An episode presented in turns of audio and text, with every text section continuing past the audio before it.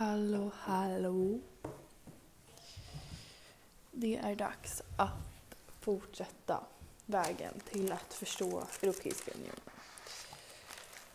I förra avsnittet pratade jag och Beata om eh, lite av de huvudteman som Europeiska unionen eh, blev efter EU-fördraget. Ehm, och nu så tänkte jag prata lite om hur EU fungerar och hur maktfördelningen ser ut inom EUs organisation. Um, fördragen är lite som EUs grundlagar. Det viktigaste av dem alla är Maastrichtfördraget um, och um, det finns även tilläggsfördrag såsom Lissabonfördraget som lägger till saker till EU-fördraget. Och Eh, ja, då ändrar vissa saker. Um, det är fördragen som är basen i EU och dessa kräver absolut majoritet när de väljs. Um, det har ju varit en fråga om att ha en konstitution inom EU. Um, ehm, men eftersom att den visionen röstades emot Eh, så är det för, fördrag som gäller. Och varför de inte är som en grundlag är för att fördragen ändras väldigt lätt genom nya fördrag. Och att ändra en riktig konstitution kräver väldigt mycket längre processer. Eh, om man liknar det vid ett land så kräver det ibland flera riksdagsval eller liknande. Um, den lagstiftande funktionen inom EU eh, hålls hos ministerrådet och Europaparlamentet. Så ministerrådet har under längst tid varit lagstiftande inom EU och under längst tid också varit, haft mest makt inom den lagstiftande funktionen. Eh, Europaparlamentets makt kom lite senare. Men dessa är ju också direktvalda av europeiska folket. Så Eh, det är EU-medborgarnas demokratiska representation. Så när man pratar fördrag och lagförslag så ska bägge av de här godkänna. Eh, den styrande makten eh, erhåller EU-kommissionen som är som en EU-regering. De är, har en verkställande makt precis som en traditionell regering. Ehm, en representant från varje land detta är någonting som kan ifrågasättas. Eh, är detta odemokratiskt ur ett proportionalitetsperspektiv eller är det bra?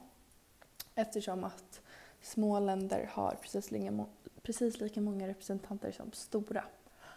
Um, en ny kommission väljs vart femte år av parlamentet. Um, Ursula von der Leyen är ordförande. Um, de som sitter i kommissionen representerar EU och ska styra för EUs bästa. Det, som är, det är de som i realiteten bara kan ge lagförslag. Och eh, det här blir också en liten fråga om en brist i den demokratiska processen. För kommissionen styr ju agendan väldigt tydligt. Eh, men de är inte direktvalda av folket eh, eller proportionerligt eh, i en proportionerlig mängd. Ja. Um, det Europeiska rådet. Stats eller regeringschefer eller premiärministrar som några gånger per år träffas i Bryssel eller Strasbourg. Nej, inte i Strasbourg, eh, men i Bryssel. De sätter riktlinjer och vägledning för vad som ska beslutas inom EU. Det här är lite luddigt. Det är ingen egentligen formell del av lagstiftningsprocessen. Men de svävar lite ovan med generella saker. Så när man pratar om det dömande och kontrollmakten så börjar man på EU-kommissionen. För det är så att EU-kommissionen kontrollerar EU-länderna. Och Europaparlamentet kontrollerar i sin tur kommissionen eftersom att det är de som eh, accepterar och granskar kommissionen. De kan fälla kommissionen genom att göra ett misstroendeomröstning. Eh, sen så är det EU-domstolen som dömer om det är tvister mellan EU-länder eller mellan EU och utomstående länder eller liknande.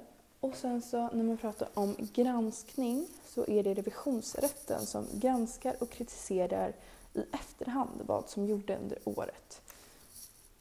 Vad som gjordes och vart alla pengar har gått. Ehm, ehm, ehm. Jag tänkte gå in lite mer i detalj på de olika institutionerna också.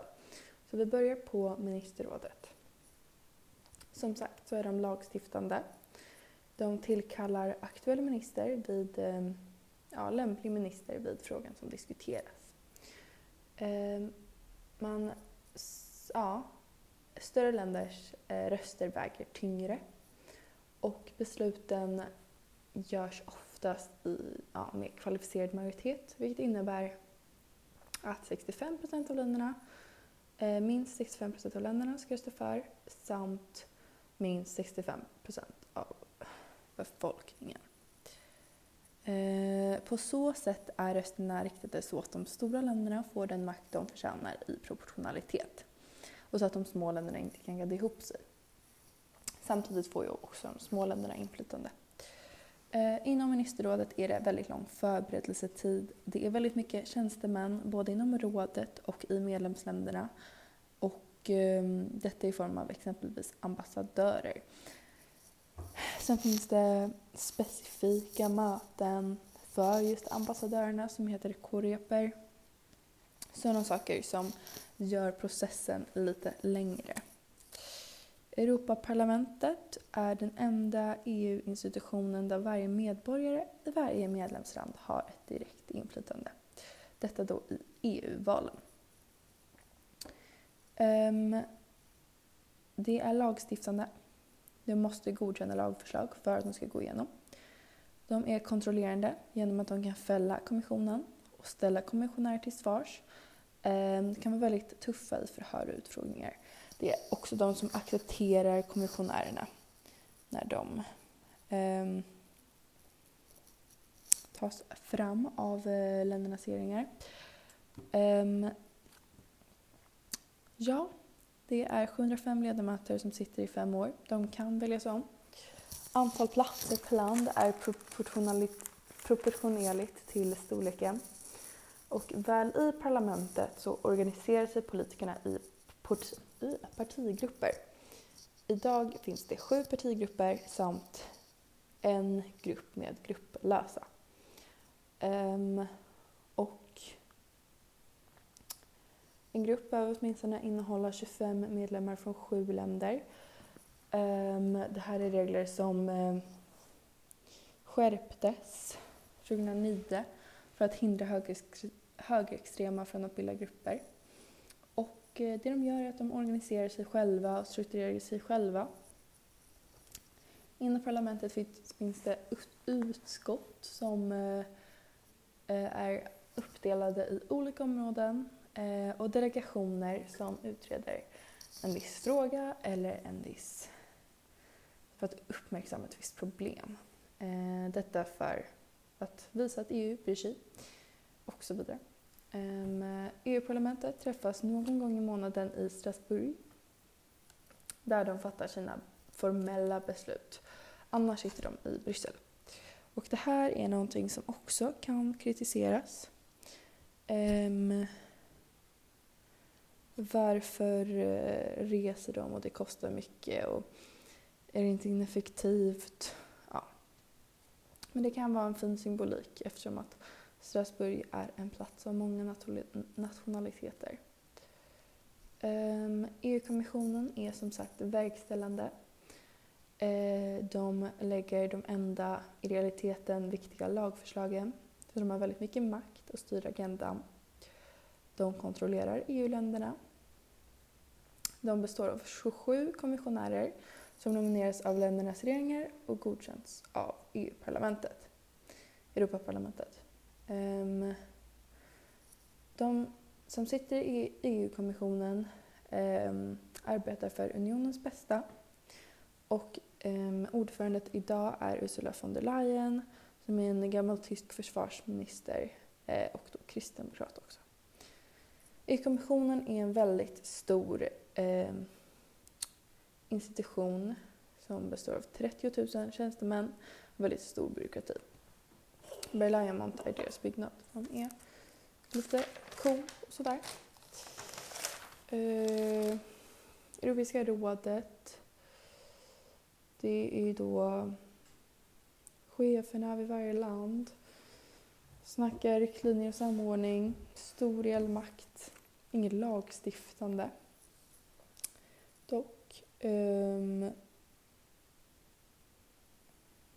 ordförandet är Charles Michel. Revisionsrätten då. Eh, de kontrollerade senaste året och vart, eh, kollade vart pengarna gick, om de gick åt rätt saker. De sitter i Luxemburg, det är en från varje land. Eh, och EU-domstolen är urtolkaren av EUs lagar. De eh, löser konflikter inom eller mellan EU och utomstående land. De sitter i Luxemburg, en domare från varje land. Kanske inte är demokratiskt, vem vet. ECB, Europeiska centralbanken, är banken för euro. Eh, det är 19 stycken euroländer som finns representerade eftersom att det finns 19 stycken euroländer.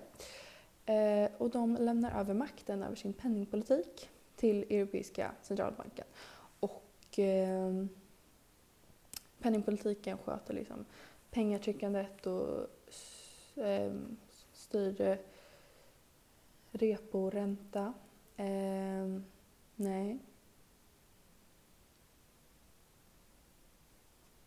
Men styr inflationen samtidigt som länderna styr sin egen finanspolitik. Frankfurt är där direktionen sitter och den består av sex ledamöter. Ordförande just nu är Kristina Gaud. Så de har alltså koll på penningpolitiken och styr räntan. Sen finns det ju lite övriga institutioner. Ehm, um, EUs utrikestjänst, byråer som Europol. Och eh, det var lite mer fördjupat om makten inom EU. Tack för mig.